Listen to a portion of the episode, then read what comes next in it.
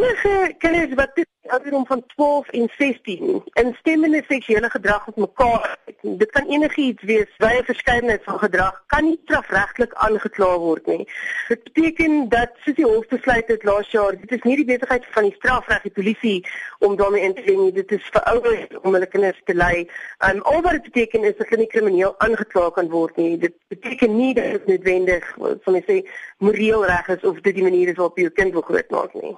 Die direkteur van die Teddy Bear Kliniek, Shaida Omar, beskou die wetgewing as 'n stap in die regte rigting. It's a major feat for children's rights. It's a victory in protecting children from secondary victimization and trauma. We applaud this and we salute this decision. Volgens die toy kan kinders steeds strafregtelik vervolg word as die seksuele omgang nie instemmend tussen beide partye was nie. Wanneer kinders 'n strafregtelike misdryf begaan, beteken dit daar was nie toestemming nie. Dit is nie instemmend nie. Dit bly 'n misdryf.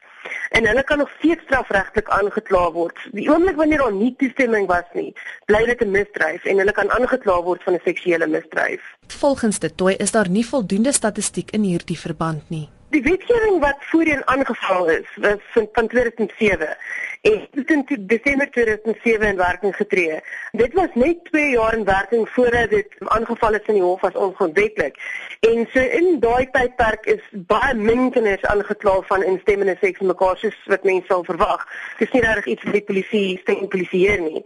Daar was omtrent net afgevat waar daar 'n klagte gelê is. Omar sê daar is egter nog onduidelikhede onder die publiek oor wat die wetswysiging beteken. What needs to be clarified here is it's not legalizing consensual sex between children.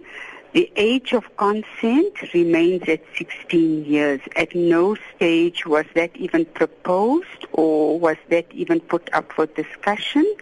The aim was to protect children. You know, when, when this application was taken to the Constitutional Court, it was to protect and prevent children from secondary victimization and trauma.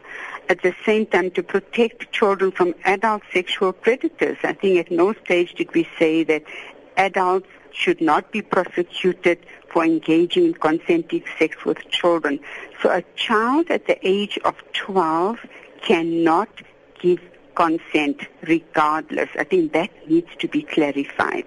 Dit toe sê die wet bepaal nie dat seks tussen kinders van hierdie ouderdomme noodwendig reg of verkeerd is nie. Dit is belangrik dat mense nie ooreageer of dink dat die regering of die wetgewing of iets nou iets verskriklik gedoen het nie.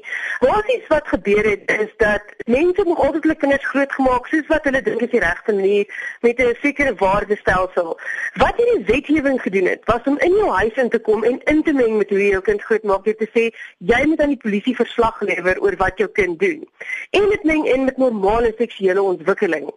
Die nuwe wysiging egter beteken dat ouers steeds die finale verantwoordelikheid het vir hoe hulle kinders grootmaak. Dit sê nie dis goed vir kinders om seks te hê nie, dit sê nie dis 'n slim ding nie, dit beteken glad nie dis goed vir kinders om op 12 seks te hê nie. Al wat dit beteken is dat dit nie 'n kriminele klag is nie. Dis al. Die toy sê hierdie wetgewing is daar gestel om kinders te beskerm. Al die ander dinge in terme van die waardestelsels waarin mense kinders wil grootmaak, dit bly deel van die privaat familielewe. So En kort wat mense wil sê is reg, dit gaan geen verskil maak aan normale mense se lewens nie. Al wat beteken is daar's nie 'n ekstra gevaar vir kinders dat die polisie aan hulle deur gaan klop omdat hulle dalk gevry het met 'n ouetjie nie. Dit was 'n prokureur by die Sentrum vir Kinderreg aan die Universiteit van Pretoria, Karina de Tooy. Dianke Nel, RSG nuus.